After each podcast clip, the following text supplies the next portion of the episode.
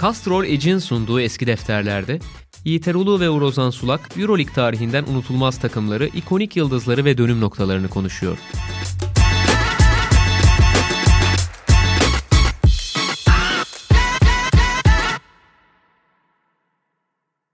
Sokrates'ten merhaba. Castro Lege'in sunduğu eski defterlerin yeni bölümüyle karşınızdayız. Artık da bir haftalık düzene döndük. Maccabi'den sonra şimdi Barcelona bizleri bekliyor. Barcelona'yı da o kadar geriden almayacağız. Yani Maccabi'yi biraz herhalde İsrail dışındaki en geniş kaynak olabilecek şekilde doldurduk. Yani biz de bu kadar uzun süreceğini tahmin etmiyorduk. O yüzden şimdiden bir e, şey yapalım. Beklentiyi ayarlama cümlesi sarf edelim. Şöyle Barcelona tarihinde kuşkusuz çok önemli figürler var. Yani futbol kulübü Barcelona sonuçta. Basketbola bile futbol kulübü Barcelona ibaresiyle çıkıyor. Euroleague'de bile öyle. Tabii. Ee, FC. FC aynen. Ama 80'lerdeki başlangıçla birlikte işte Nunez'in başkanlığı sonucu basketbolda farklı bir e, dönemin başladığını söyleyebiliriz. Orada Aito Garcia Reneses her şeyin merkezindeki isim ki oyuncu olarak da e, San Epifanio yani Epi benzer bir rolü üstlendiğini söyleyebiliriz. İşte Ode Norris zaten şu anda bile takımın hala elçilerinden biri takımla birlikte seyahat ediyor. İstanbul'da buradaydı maçlarda. İşte Soloza, Balandres Jimenez gibi oyuncular o dönemde Koraç Kupası'nı hani yine kazandılar. İşte e, İspanya'da Real Madrid'in üstünlüğüne son verdiler. Ama Aito Garcia Reneses hiçbir zaman basın tarafından çok sevilen bir figür olmadı İspanya'da işte karate press tabirinin çıktığı bir dönem. Yani Real Madrid'in güzel oyununa karşı Aito'nun biraz böyle dayak atarak, döverek daha e, temaslı, daha temaslı savunma. Şimdi Aito'nun kariyerinde geldiği noktayı da düşünürsek oynattığı basketbolu da e, hesaba katarsak bugün şey, çok garip geliyor. Yani biraz daha böyle Malkovic Akan. evet Malkovic tarzı bir basketboldu o dönemde. Evet çok daha geniş rotasyonla oynanan, çok daha farklı oynanan ama işte o karate press tabiri e, Real Madrid'in kraliyet oyununa karşı Barcelona'nın bulduğu bir çözümdü. İter abi Barcelona kültürünü sen Türkiye'de herhalde bir yüz yayında falan anlatmışsındır şimdiye kadar. O yüzden yeni bir şey sormanın heyecanını yaşamak istiyorum ama bir yandan yaşayamıyorum. Yeni ne sorabilirim? Ben de yeni bir şey bulabilir miyim diye biraz hafızamı zorladım. Aslında yani bir kere şöyle yani Barcelona ve Aito çok iç içe geçmiş, çok uzun yıllar sürmüş, çok önemli başarılar içeren ama bir taraftan da çok büyük hayal kırıklıklarıyla anılan, bugün hala öyle hatırlanan garip bir ilişki. Yani Aito Garcia Reneses Barcelona basketbol ilişkisi şöyle ki Aito Katalan değil. Aito Barcelonalı değil. Baştan 3-0 geride. Şimdi böyle olunca tabii biraz zaten her şeyin başlangıç noktası biraz karmaşık oluyor. Ama Katalanların her alanda neredeyse bayrağı olan temsilcisi olan böyle bir kulübün basketbolunun başına Madrid'de yetişmiş olan Estudiantes, Estudiantes kökenli o basketbolculuğu belki çok kayda değer olmayan ama üst düzeyde basketbol oynamış, ligde yer almış. Fakat daha ziyade basketbolun dışındaki hayatıyla, meraklarıyla, ilgi alanlarıyla da çok dikkat çekici olan bir adam getiriliyor. Yani Başkan Nunez onu nereden bulmuş? Evet o sırada Katalunya'da Badalona'nın başında. Yani hemen komşu şehrin takımının başında. Bir Katalunya'da geçmişi var Ayton'un koç olarak. Ama esasen e, tabii orada okumuş ve okurken de fizik okumuş, elektronik okumuş, elektronik iletişime çok merakı olan o yıllarda ve o merakını da daha sonra basketbolun içine taşımış olan bir adam Ayto. Yani mesela senin yapmış olduğun söyleşide de altını çizdiğin bir scoreboard hikayesi var. Evet aynen tam oraya gelecektim. Ya işte zaten üniversiteyi Barcelona'da okuyor e, Aito. Telekomünikasyon mühendisliği bölüm. İşte fizik okuyor aslında. Orada yani teoremler üzerinden ilerlerken akademik kariyerini Amerika'da ithal edilen scoreboardlara merak sanıyor. İşte full motor, elektrikli olanlar ve IC tabanlı e, bir sunum hazırlıyor. Diğer modele göre böyle daha analog bir tarzı var. Ve 30 tane scoreboard e, aslında alıyor. Salonlardaki bütün bu regülasyon krizini e, aşan bir dönem. E, yani Aito'nun girişimleriyle tamamen fizik ve basketbolu, akademisyenliğini ve yani akademik başarısını ve ilgi alanını birleştirip İspanya'daki scoreboardların tasarımını ve ithalini Aito Garcia Reneses'in gerçekleştirdiği bir e, hikaye bu. Hala bugün birçok salonda İspanya'da Aito'dan kalan bazı scoreboardlar duruyormuş. Ben hangileri olduğunu bilmiyorum evet, ama es- muhtemelen bu 80'lere ait bir Evet, hikaye tabii ve. İspanya'da henüz e, Avrupa Birliği'ne tam üye olmadığı için hani ithalat rejimi falan çok Türkiye'yi andıran bir sürü kısıtlamalar içeren scoreboard getirmenin yurt dışından çok zor olduğu günlerden söz ediyoruz. Dolayısıyla onların da yani maçlar oynanırken scoreboardlarla ilgili bayağı önemli problemleri oluyor. Şimdi bunu çözen, çözebilecek kapasitede fizik bilgisi olan, elektronik bilgisi olan bir koçtan bahsediyoruz. Yani müthiş bir şey bu. Şimdi ben hikayeyi biraz daha zıplatayım. 1999'un Kral Kupası'na Valencia'ya götüreyim. Orada bir sunum var. Bir Amerikalı geldi. Bugünkü yani özellikle e, kayıt montajlamak konusunda, maç kaydı montajlamak konusunda teknik kadrolara, asistan koçlara çok yardımcı olabilecek bir bilgisayar programından Avit diye bir sistemden söz ediyor. Bu Avit sistemi zaman zaman televizyonculukta kullanıldı, sonra çok geliştirildi. O geride kaldı ama 90'lı yıllarda o yıllarda televizyonculuk yapmış olanların ismini duyduğu bir şeydir. Yani Avit sisteminin basketboldaki kullanımıyla dolayısıyla siz diyelim ki bir takımın işte pick and roll savunmasını analiz ederken pivotunu nasıl kullandığını, işte yükseğe çıkartıp çıkartmadığını ya da çembere daha yakın bekletip bekletmediğini peş peşe birkaç ucumda montajlayarak yani kendiniz tabii bu programa hakim olmanız lazım. Bu şekilde e, oyuncularınıza izletme imkanı buluyorsunuz.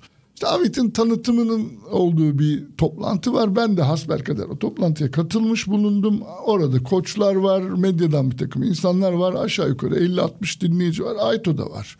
Şimdi Ayto inanılmaz teknik sorular soruyor. Tanıtımı yapmaya gelen kişi muhtemelen o da bir bilgisayar programcısı falan yani. O cevaplamakta güçlük çekiyor. Biz zaten hiç anlamıyoruz. Yani o cevapladığı zaman da onların arasındaki konuşmayı bizim anlamamıza imkan ihtimal yok. Yani biraz ahali sıkıldı bu konu nereye gidecek falan diye. Oradan birisi elini kaldırdı. Sanıyorum Granada'nın menajeri mi ne? Aa dedik herhalde o da bu konuda bir şey söyleyecek.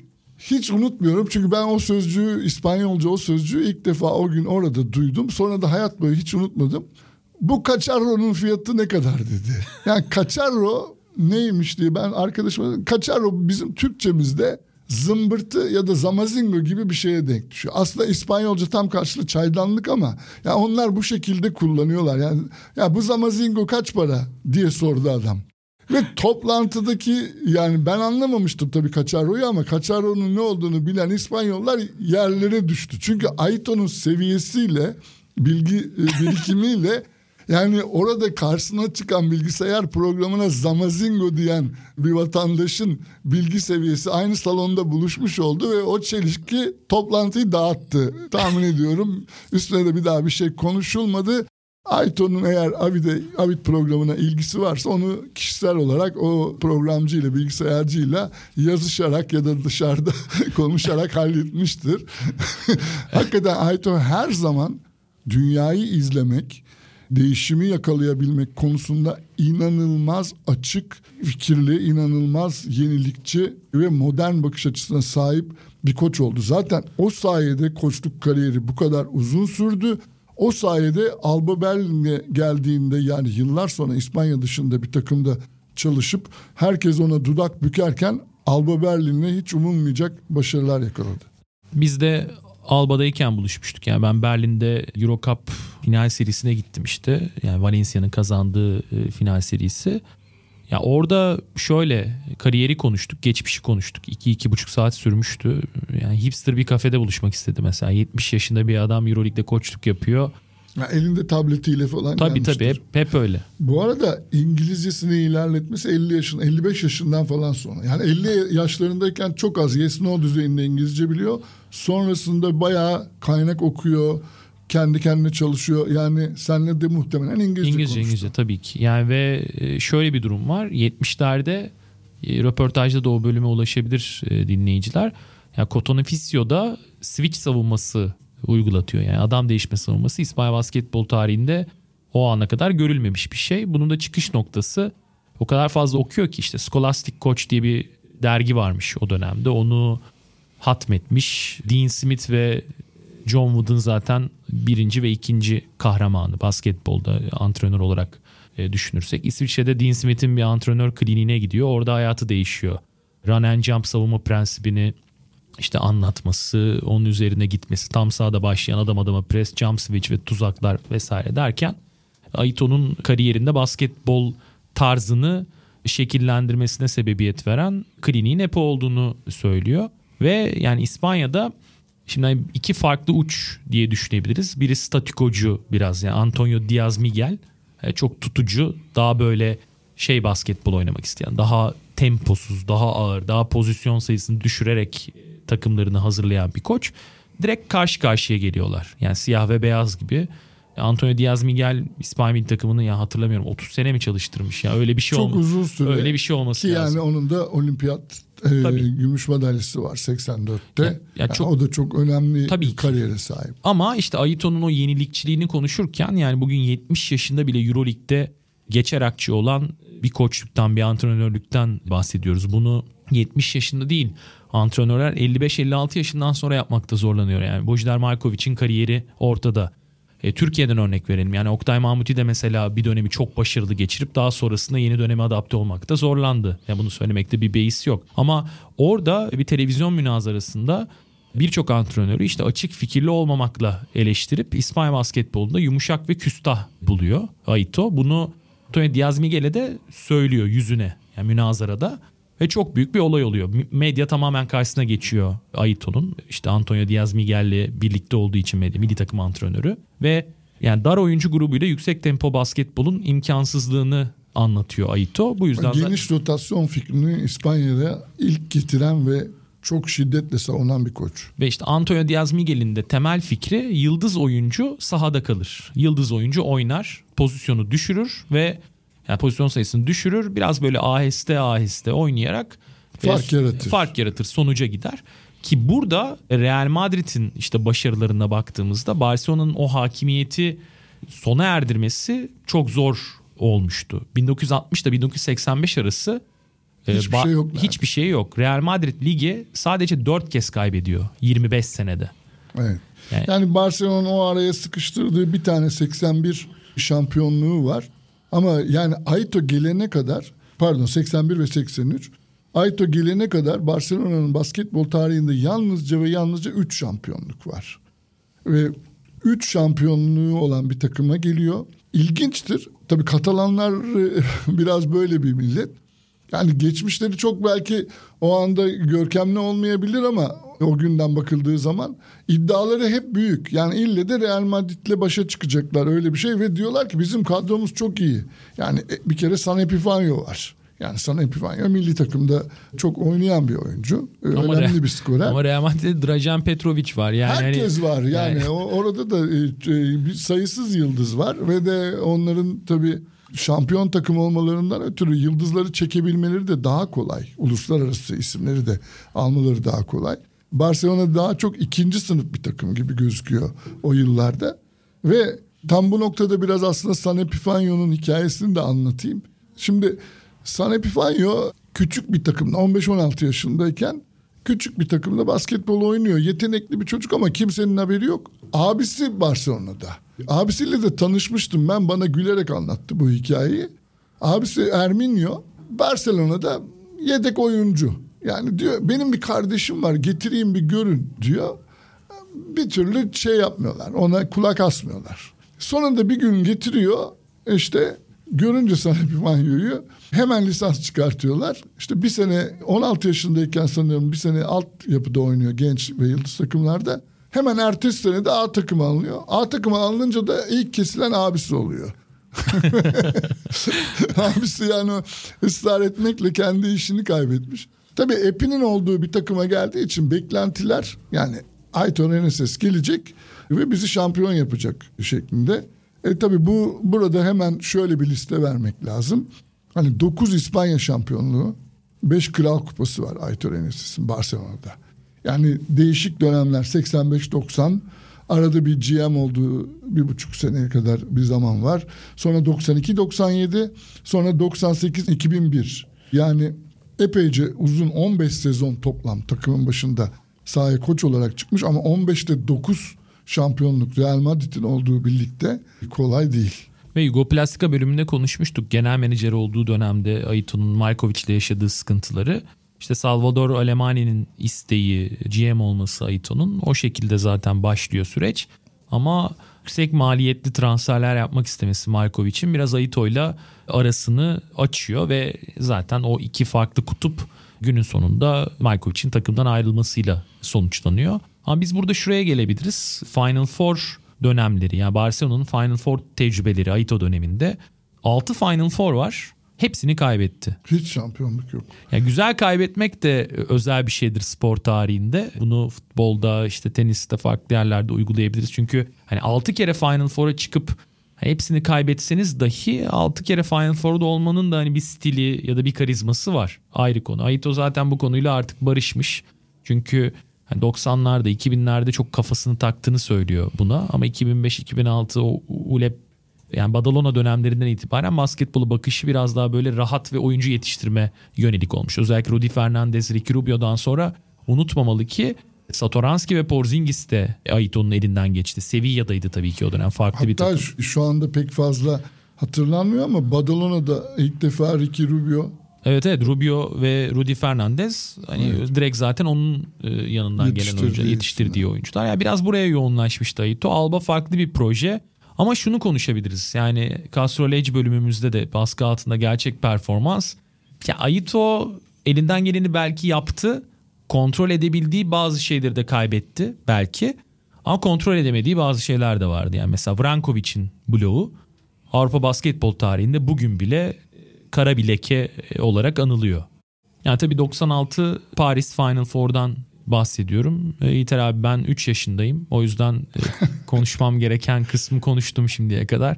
Buradan sonrasını sana bırakıyorum. Karnişovas'ın muhteşem oynadığı bir final. Panathinaikos'ta Dominic Wilkins var. Evet. Albertis çok iyi bir final çıkarıyor ama ilk 5'i yani hatırlamak gerekirse müthiş bir Panathinaikos 5'i. Koç Malkovic ve Aito orada kaybediyor. Yannakis, işte Brankovic, Dominic Wilkins, Albertis, Ekonomu, Ekonomu e, acayip takım. Barcelona'da hani Karnişovas var, işte Andres Jimenez var. Hani Xavi Fernandez, Montero Galileo, vardı. Montero var aynen. Ee, yani Ama ağır favori Panathinaikos. Yani. Len Gottlieb vardı. Aynen, aynen. Ee, yani Panathinaikos favori bir kere zaten sezon başından itibaren herkes Panathinaikos'tan söz ediyor. Çünkü Dominic Wilkins gelmiş. Yani Dominic Wilkins Hani Michael Jordan bir, Dominic Wilkins iki NBA'de 90'lı yılların başlarında. Yani en spektaküler yıldız oyunculardan bir tanesi. Ve bu oyuncu tamam biraz kariyerinin sonlarına doğru ama tam olarak da sonu değil. Sonra tekrar NBA'ye dönecek. Evet Spurs'a yani, gitti. Evet. 96'da e, çok iyi durumda Dominic Wilkins ve onun gelip tek başına bir takımı şampiyon yapabileceğini düşünüyor herkes. İlginçtir. İstemeyen kişi Dominic Wilkins'in gelmesini. Tabii ki. Markovic. yani takımın koçu istemiyor böyle bir oyuncunun kadroya gelmesini. Çünkü o koçun takımının kazanmasını yani koçluk becerileriyle şampiyon olmak istiyor. Halbuki Dominic Wilkins'le bir takım şampiyon olursa hiç kimse koçu hatırlamayacak. Dominic Wilkins şampiyon yaptı diyecekler. Ama ilginçtir bugün o şampiyonluğu hatırladığımız zaman herkes Vrankovic'in bloğundan bahsediyor. Yani Dominic Wilkins'in sayıları bile unutuldu. Dominic Wilkins sezon boyunca üzerine düşeni yaptı fazlasıyla. Final Four'da da yaptı. Çok iyi oynamıştı yani. Birebir de zaten tutabilmek imkansızdı onu. Ama Barcelona e, müthiş bir mücadele verdi. Yani Xavi Fernandez'le, Montero'yla herkesle denediler Dominic Wilkins'i tutmayı ve tabii ikili yardım savunması özellikle zamanlamasına çok dikkat ederek hani Dominic Wilkins'in çembere doğru hareketlendiği anda yardımı getirerek mümkün olduğunca onu yavaşlatmaya çalıştılar. Bunda da başarılı oldular. Ve son topta da Galilean. topu kapıp yani 5 saniye kala sanıyorum Montero çembere gidiyor. Yani biz kadrajda bir tek onu görüyoruz ve bir anda camda topu kesildi. Yani Vrankovic nasıl bir hızla oraya yetişti akıl alır gibi değil. O blok blok muydu? Top önce cama değdi ve aslında basket verilmesi mi gerekiyordu? Bu yıllarca tartışıldı. Bana kalırsa basketti. Ben cama değdiğini düşünüyorum. O görüntülerden öyle bir sonuç çıkartıyorum. Ama tabii acıklı olan şey şu oldu. Özellikle hem Barcelona için hem Aito için. Ya bir finali böyle kaybetmek. Yani bir hakem kararıyla çalınmamış bir hakem düdüğüyle kaybetmek. Ya Aito için bence Markovic'e karşı kaybetmek. Birbirlerini hiç sevmedikleri bir sır değil. Barcelona'dayken de kanlı bıçaklı olmuşlar. Markovic ayrılırken de ve ayrıldıktan sonra da arkasından bir sürü şey söylemiş. Ve tabii ki Aito'nun kaybettiği finaller listesine bunun da bu şekilde eklenmiş olması. Yani 90'da kaybetti. 91'de GM olarak kaybetti. 96'da e, bu şekilde kaybetti. Bir sene sonra tekrar kaybedecek 97'de. Yani 6 Final Four var, 4 tane kaybedilmiş final var. Ve Aitor Eneses'in aslında hiç kimse de olmayan neredeyse başarı listesi. Çünkü işte dediğim gibi 9 İspanya şampiyonluğu, bir Saporta kupası, iki Koraç kupası, bir Euro Cup şampiyonluğu, bir olimpiyat gümüş madalyası ama bunların içinde hiç Euroleague şampiyonluğu yok. Yani kapıya gelip gelip hepsinden dönmüş. Avrupa basketbolunun en görkemli kaybedeninden söz ediyoruz bence. Barcelona kültürünü anlatırken çok baskın koçlar aslında tarihte yok Aito haricinde. İşte ilk büyük koç belki 70'lerin ilk yarısında Zerevitsa denebilir. Oradan sonra hep böyle biraz da hani bizden olanlar, işte Katalan olanlar, kulübün dinamiğini bilenler, lokal koçlar hep çalışsın gibi bir mantık olduğu söylenebilir. Çünkü genellikle dışarıdan gelen koçlar hep başarısız oldu. Yani Malkovic hani bunun bir örneği. Pešić ciddi bir istisna bence ama Pešić'in de hani NBA takımları tarafından istendiği bir dönem. Yani Avrupa basketbolunun hani Obradovic nasıl bir numaralı koçuysa belki Pešić o dönemde o 5 yıllık aralıkta yani 2000'lerin ilk yarısı Indianapolis'i de katarak söylüyorum. Belki de en formda koçu. Oradan sonra 2003'te zaten şampiyon olan Barcelona takımının koçu, baş antrenörü Pešić. Ama e, şöyle bir tema olduğunu görebilirsiniz. Dışarıdan gelen koçlar her zaman dezavantajlı oluyor Barcelona'da. Malkovic işte bir dezavantaj yaşadı. Yakın döneme gidelim. Bart Sokas bir dezavantaj yaşadı. Duško Ivanovic bir dezavantaj yaşadı. Ve kendi evladı diyebileceğimiz bir koç, bir antrenör Barcelona'nın Xavi Pascual Paris'te olan bir başka Final Four'da yani kaybettiği Final Four'u konuştuk Barcelona'nın. Kazandığı Final Four'da e, takımın baş antrenörüydü Xavi Pascual. Ki Barcelona'nın aslında tarihinin çok böyle görkemli olmayışını basketbolda şuradan anlayabilirsiniz. İki şampiyonluğu var. Evet, 2000, onlar da hep 2000'lerde. 2000'lerde. Yani 2003 ve 2010. Yani işte dediğimiz gibi Aito hep kaybedenler kervanında yer aldı. E, Aito'ya burada yöneltilen yani medyada zaman zaman dillendirilen bir eleştiri var. Tamam oyuncu yetiştirme konusunda son derece cesur hamleleri olan gençlere çok şans veren ve çok büyük katkı yapan. Çünkü şöyle işte Pau Gasol, Navarro, işte Ricky Rubio'yu söyledik zaten. Daha öncesinde Epifanio'dan bahsetmiştik. Bu Jimenez, bu oyuncuların ulaşmış olduğu zirvelerde kariyerlerinin bu kadar zengin olmasında Ayton'un çok büyük rolü vardı. Villa Campa. Villa Campa da öyle. Ama Ayto bir yardımcı yetiştirmek yani yardımcılarından birini A takım koçluğuna hazırlamak konusunda o kadar başarılı gözükmüyor. Şöyle ki yani onun yanında çalışmış olanlardan mesela Manuel Flores var, Kim Costa var, Steve Trumbo var. Değişik dönemlerde Montez de çalıştı galiba. Evet. Ee, Joao Montez. Joao Montez var. Değişik dönemlerde pek çok asistan oldu Barcelona'da ve bunlar da Barcelona kadrosundan çıkmış oyunculardı genellikle. Oralardan geçmişlerdi. Ama o evlatlar sonra o, o takımın başına geçmeye e, yani layık görülmediler. Barcelona yönetimleri tarafından öyle bir koçluk kariyerleri de olmadı. Şimdi Pascual ile Ayton'un yolları hiç kesişmemiş olmasına rağmen Barcelona çatısı altında.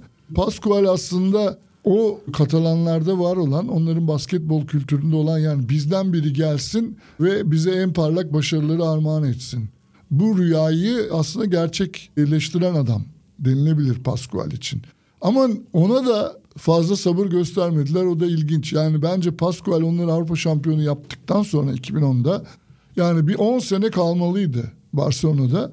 Çok da büyük bir kredisi olmadı. Yani Pablo Lasso'nun Real Madrid'de kalabildiği gibi kalmalıydı bence Pascual.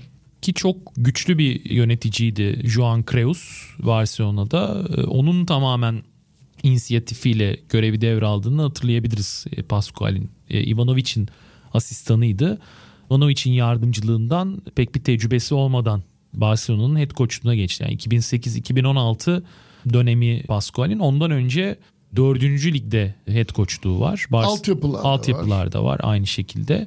Ama Hospitalet'te doğmuş Barcelona'nın o bölgesinde yetişmiş hani basketbolda o şekilde var olmuş e, bir antrenörün ya da bir basketbol adamının e, Barcelona'ya gelip orada da Euroleague şampiyonluğunu e, Barça ile birlikte yaşaması da büyük bir hikaye. Şu an Juan Carlos Navarro hala kulübün içerisinde ve önemli bir rolde Laporta'nın başkanlık seçiminden sonra.